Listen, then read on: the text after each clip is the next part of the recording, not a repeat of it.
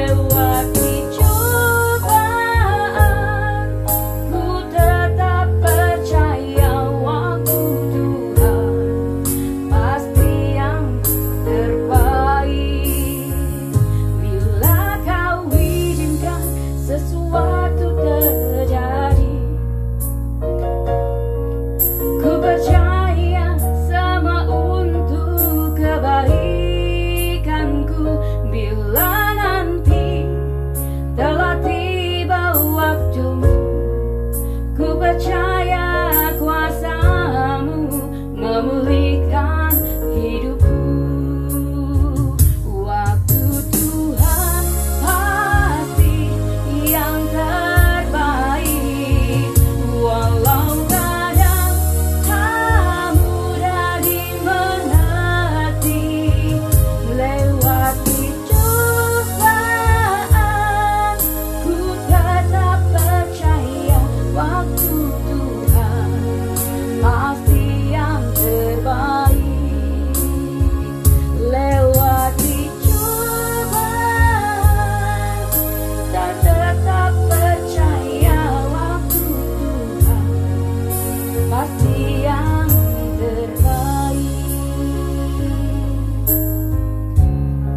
Renungan hari ini akan saya bacakan sebuah cerita pendek yang dibuat oleh Meli Ainun dari Jakarta yang berjudul Pendoa yang Benar 521 Bulan mengambang dengan diam. Sinarnya memancarkan kelembutan yang dan damai. Namun suasana hatiku gundah gulana. Beberapa kejadian siang ini terlintas kembali dalam benakku dengan sangat jelas. Aku baru saja selesai memberikan Membereskan catatan kehadiran anak. Ketika merasa perutku mulai lapar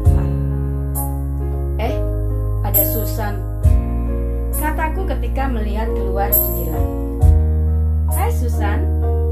Yuk makan siang. Aku yang traktir.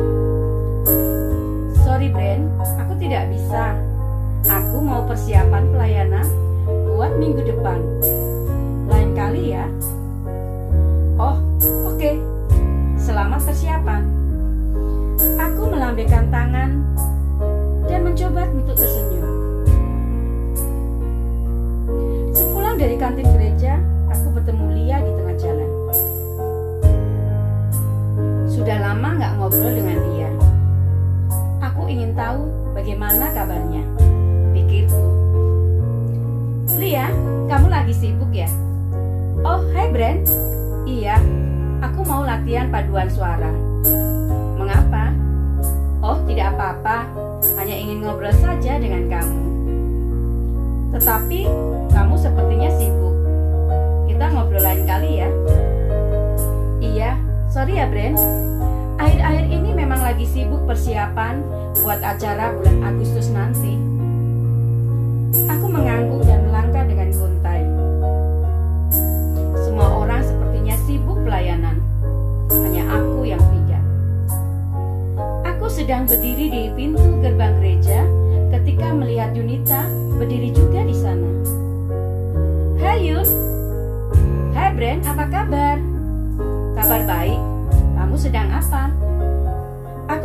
Aku sedang siap-siap menunggu jemputan.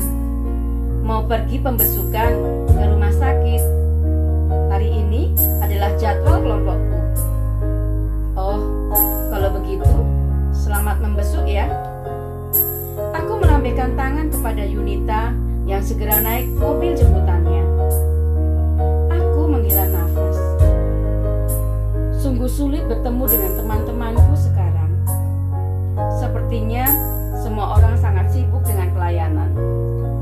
Susan misalnya, selain aktif menjadi worship leader di ibadah minggu, ia juga aktif di perpustakaan dan persekutuan doa. Ya, Lia pun demikian. Seorang penyanyi andalan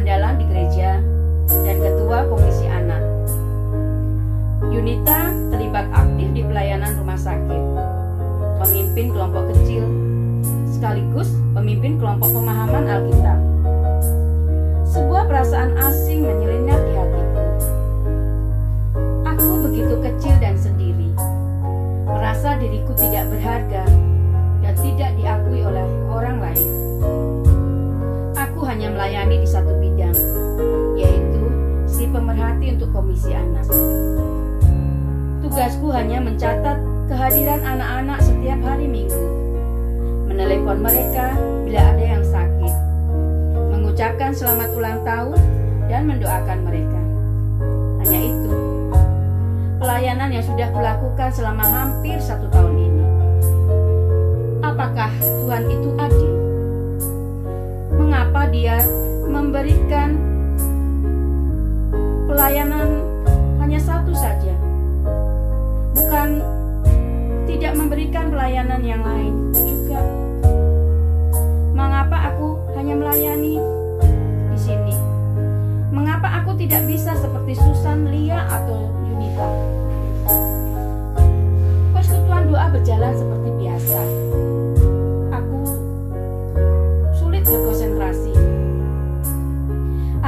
Bernyanyi dengan setengah hati dan merasa tidak bersemangat ketika renungan dimulai. Pembicara itu mengajak kami membuka bagian Alkitab dari kitab Matius 25 ayat 14 sampai 30. Ah, itu lagi kataku dalam hati. Aku sudah tahu bagian Alkitab itu tentang talenta. Ada yang diberi lima, Beberapa kalimat pembuka tidak terdengar karena aku sibuk dengan pemikiranku. Namun tiba-tiba ada yang menarik perhatianku. Jika kita membaca bagian ini, banyak orang berpikir Tuhan tidak adil ketika Dia memberikan talenta yang berbeda-beda.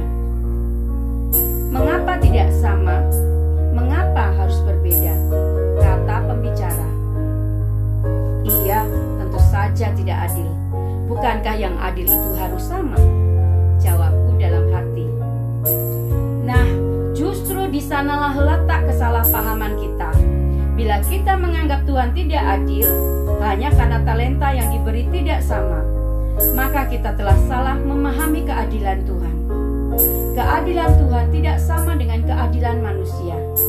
Bagi kita manusia, yang disebut adil adalah setiap orang memiliki bagian yang sama. Aku memajukan dudukku. Sekarang perhatianku kembali penuh. Pembicara itu seolah-olah sedang membaca pikiranku. Dia kemudian mengeluarkan sekotak kue dan menunjukkannya kepada kami. Misalnya jika saya ingin membagikan kue ini kepada kalian, saya harus membagikannya secara sama bukan? Yang adil adalah kalian masing-masing mendapat satu potong kue dan akan menjadi tidak adil jika salah seseorang dari kalian mendapatkan dua potong kue. Hasilnya kalian akan marah dan tentu saja saya tidak ingin kena marah. Dia menyengir lucu. Aku tersenyum kecil melihatnya. Tetapi jika kita berbicara keadilan Tuhan, yang berlaku tidak seperti itu. Talenta dalam perumpamaan ini adalah sesuatu yang dipercayakan Tuhan itu kepada hamba-hambanya. Besarnya memang tidak sama, tapi apa yang dipercayakan itu sesuai dengan kemampuan masing-masing hamba. Jadi, apakah Tuhan itu tidak adil?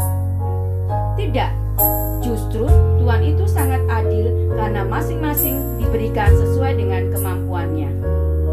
Coba bayangkan bila hamba yang diberikan dua talenta itu diberikan lebih banyak dari kemampuannya. Apa yang akan terjadi?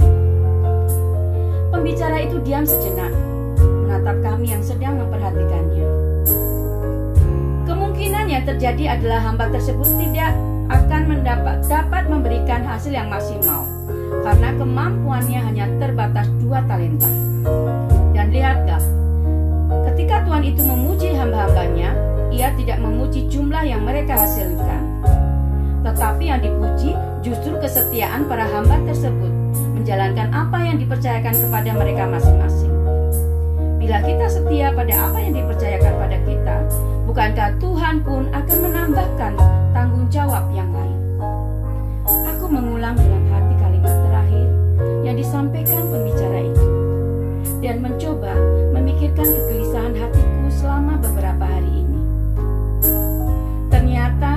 diminta oleh Tuhan adalah kesetiaan untuk menjalankan pelayanan yang dipercayakan itu, bukan berapa banyak pelayanan yang dilakukan. Aku kembali teringat akan kesibukan pelayanan teman-temanku. Aku menetapkan hati untuk belajar setia pada pelayananku di saat ini sama seperti mereka. Langkah kakiku terasa ringan saat meninggalkan Mengucap syukur aku memiliki Tuhan yang adil, yang memberi sesuai dengan kemampuan setiap orang. Demikian renungan kita hari ini.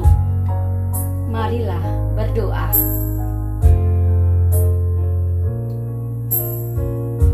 Mengucap syukur kepadamu ya Tuhan untuk berkat pelindungan yang kau berikan kepada kami.